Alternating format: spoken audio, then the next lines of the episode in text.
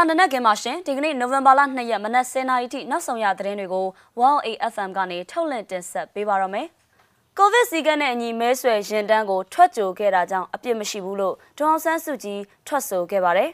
။ဒေါက်တာစောမြင့်မောင်ထောင်ထဲမှာဖျားနာနေပါတယ်။ဒီမော့ဆိုမှာစေအုပ်စုနဲ့ကရင်နီပူးပေါင်းတပ်ဖွဲ့တို့တိုက်ပွဲဖြစ်ပွားခဲ့ပါတယ်။ကတာမျိုးကဖမ်းကန်ထားရတဲ့ဈေးသည်73ဦးပြန်မလွတ်လာသေးသလိုမိသားစုနဲ့လည်းတွေ့ခွင့်မရပဲရှိနေပါတယ် ဒီသတင်းတွေနဲ့အတူထန်တလန်ကိုရှို့တယ်ပြီးတပြည်လုံးကိုလောင်တဲ့ဟေကောင်းစင်နဲ့ရန်ကုန်တပိတ်မြင်ကွင်းကိုလည်းရှုစားရမှာပါ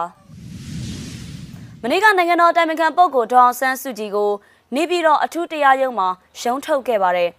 ကိုဗစ်စီကံချိုးပေါက်ခဲ့ကြောင်းဆွဆွဲပြီးတရားစွဲထားတဲ့အမှုအတွက်ဒေါအောင်ဆန်းစုကြည်ကိုယ်တိုင်တက်သေးထွက်ဆိုခဲ့ကြောင်းနေပြည်တော်တရားရုံးအတိုင်းဝိုင်းစီကသိရတယ်လို့ Burma Associated Press ရဲ့သတင်းမှာဖော်ပြထားပါတယ်။2020ရွေးကောက်ပွဲကြိုကာလမှာ ဒေါန်ဆန်းစုကြည်ကသမရကြီးဦးဝင်းမြင့်နဲ့အတူ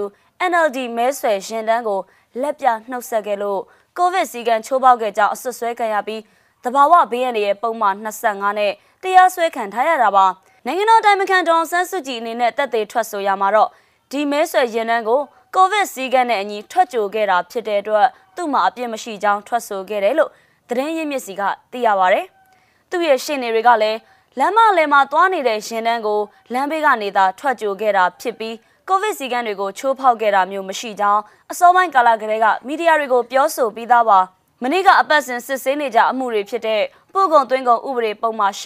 ဆက်သွယ်ရေးဥပဒေပုံမှန်20ခုတို့နဲ့ပတ်သက်ပြီးပြန်ခေါ်တက်တဲ့9ဦးရှိတဲ့တဲက9ဦးကိုစစ်ဆေးခဲ့ပါတယ်။အဲ့ဒီ9ဦးထဲမှာဒေါအောင်ဆန်းစုကြည်ရဲ့နေအိမ်ကိုဖေဖော်ဝါရီလ၁ရက်ကတွားရောက်ပြီးဆက်သွယ်ရေးပစ္စည်းတွေသိမ်းရမှာပါဝင်ခဲ့တဲ့ ဗိုလ်မှူးတဦးဗိုလ်ကြီး2ဦးနဲ့တက်ချက်ရဲတို့ပါဝင်ပါတယ်။စစ်ကောင်စီကဒေါအောင်ဆန်းစုကြည်ရဲ့အမှုကိုလိုက်ပါဆောင်ရွက်ပေးနေတဲ့ရှေ့နေတွေကိုမီဒီယာနဲ့စကားပြောခွင့်တားမြစ်ထားတဲ့အတွက်ဒေါအောင်ဆန်းစုကြည်နဲ့တရလိုပြတက်သေးတွေရဲ့တရခွင်တွင်းကထွက်ဆိုချက်အကြောင်းအရာအသေးစိတ်ကိုတော့မသိရပါဘူးရှင်။ဖန်စီတရားစွဲဆိုခံရတဲ့မန္တလေးတိုင်းဝန်ကြီးချုပ်ဒေါက်တာစောမြင့်မောင်မန္တလေးအိုးဘိုထောင်မှာနေမကောင်းဖြစ်နေတယ်လို့မန္တလေးအမျိုးသားဒီမိုကရေစီအဖွဲ့ချုပ်အတိုက်အဝန်စီကသိရပါဗျ။ ဆရာစောကအတော်လေးဖျားနေလို့မိသားစုကစေဝါပစ္စည်းတွေပေးခဲ့ရတယ်။အချုပ်ခံမိုးမလုံလို့မူးမိပြီးအတော်လေးဖျားနေတာလို့သိရတယ်ဆိုပြီးဝန်ကြီးချုပ်မိသားစုနဲ့နှိစက်တဲ့မန္တလေးမြို့က NLD ပါတီဝင်တဦးကပြောပါတယ်။သူ့ရဲ့အမှုလိုက်ပါဆောင်ရွက်ပေးနေတဲ့ရှစ်နေအတိုင်းအဝိုင်းကလည်း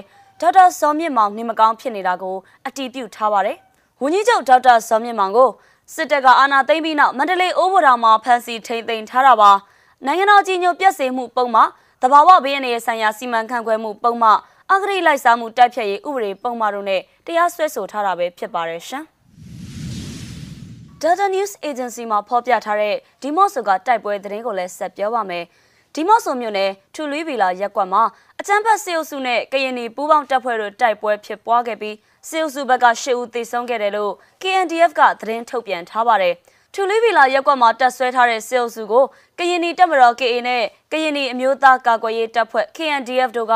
နိုဝင်ဘာလ၁ရက်မနက်9:00နာရီခန့်မှာစတင်ဝင်ရောက်တိုက်ခိုက်ခဲ့တာပါ။မိုးလဲ2နာရီခန့်မှာတော့တိုက်ပွဲပြင်းထန်ခဲ့ပြီးညနေ9:00နာရီလောက်မှာပဲတိုက်ပွဲပြီးဆုံးသွားပါတယ်။ထိတွေ့တိုက်ပွဲအတွင်းမှာစစ်အုပ်စုဘက်က၈ဦးသေဆုံးခဲ့ပြီး KNDF ရဲ့ရဲဘော်တအူးကတော့ဒဏ်ရာအနှဲငယ်ရခဲ့တယ်လို့သိရပါဗျ။အကြမ်းဖက်စစ်အုပ်စုဟာဒီမော့ဆိုမြို့နယ်ရူးဖဲကူရက်ကွက် ထူလီဗီလာရက်ကွက်ချီရတော်ဖျားနဲ့တဲတောင်တို့မှာတက်ဆွဲထားပြီးစစ်အင်အားဖြည့်တင်းမှုတွေလှုပ်ဆောင်နေပါတယ်ရှင်။စကိုင်းတိုင်းကတာမြို့တွင်ဈေးသည်73ဦးကိုစစ်ကောင်စီကဖမ်းဆီးသွားတာ၃ပတ်ကျော်လာပါပြီ။ဒါပေမဲ့ဒီကနေ့အချိန်ထိပြန်မလွတ်သေးပဲရှိနေသေးပါ။ဒါအပြင်မိသားစုဝင်တွေနဲ့လည်းတွေ့ဆုံခွင့်မရသေးဘူးလို့ကချင် News Group ရဲ့သတင်းအရသိရပါဗျ။ အရင်တစ်ခါလွတ်တဲ့ထဲလဲပါမလာဘူးပြန်မလွတ်သေးဘူးကျွန်တော်တို့ကြားရသလောက်တော့အားလုံးကိုအမှုဖွင့်ဖို့ဆွဲချက်တင်ထားပြီလို့သိရတယ်ဆိုပြီးဒေသခံတဦးကကချင် News Group ကိုပြောပါတယ်ပြီးခဲ့တဲ့အော်တိုဘာလ10ရက်နေ့ညနေပိုင်း9နာရီလောက်မှာကတာမြို့ကဈေးသည်73ဦးကိုအရေးကြီးမေးစရာရှိတယ်လို့ပြောပြီး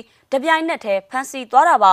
သူတို့ကိုအမှတ်၁ရဲစခန်းမှာစစ်ဆေးနေတယ်လို့သိရပါတယ်သူတို့ဖမ်းသွားပြီးနောက်ရက်ထိတော့မိသားစုနဲ့တွေ့ခွင့်ပေးသေးတယ်အဲ့ဒီနောက်တော့မိသားစုဝင်တွေနဲ့လည်းတွေ့ခွင့်မပေးတော့ဘူး အခုယမန်ယူပြီးရင်တော့ထောင်ပို့တော့မယ်လို့သိရတဲ့အကြောင်းနီးစပ်သူဒေသခံတဦးကပြောပါတယ်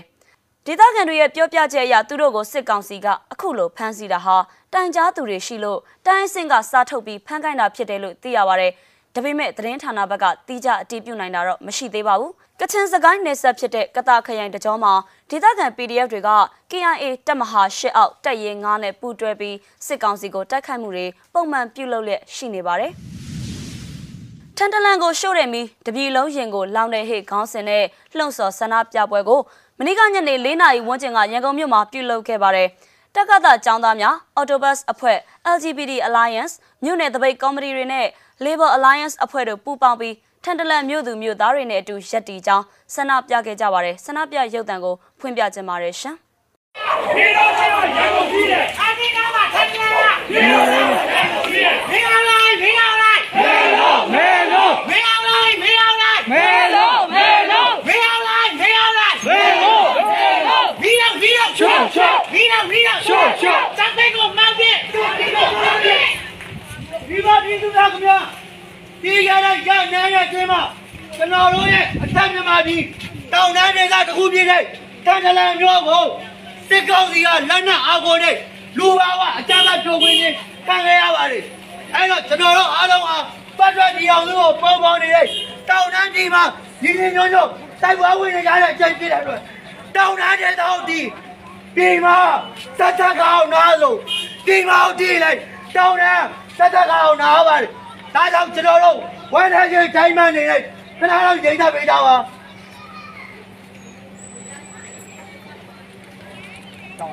အဲ့တော့ကျွန်တော်တို့နိုင်ငံရဲ့အာဏာကိုမတရားလူယူတိုက်ပိုက်တာလေစက်ကောင်းစီဟာတပ်ပြီးပြောခွင့်ခြင်းနဲ့မလုံးနိုင်ဘူးအတွက်သူတို့ရဲ့ဝင်ငွေတွေဖြစ်တဲ့တောက်ကောင်းတွေကိုကျွန်တော်တို့အာမပေးခြင်းနဲ့မြင့်တက်ချိန်ပေါ်မှာဖြစ်ပါတယ် အရေးတော်ပါဘူးဟာပြီအရေးတော်ပါဘူးဟာပြီအရေးတော်ပါဘူးဟာပြီ Well AFM ရဲ့မနက်10:00နာရီထိနောက်ဆုံးရသတင်းတွေကိုတင်ဆက်ပေးခဲ့တာပါ။နောက်ဆက်ပေးခဲ့ကြတဲ့အတွက်ကျေးဇူးတင်ပါတယ်ရှင်။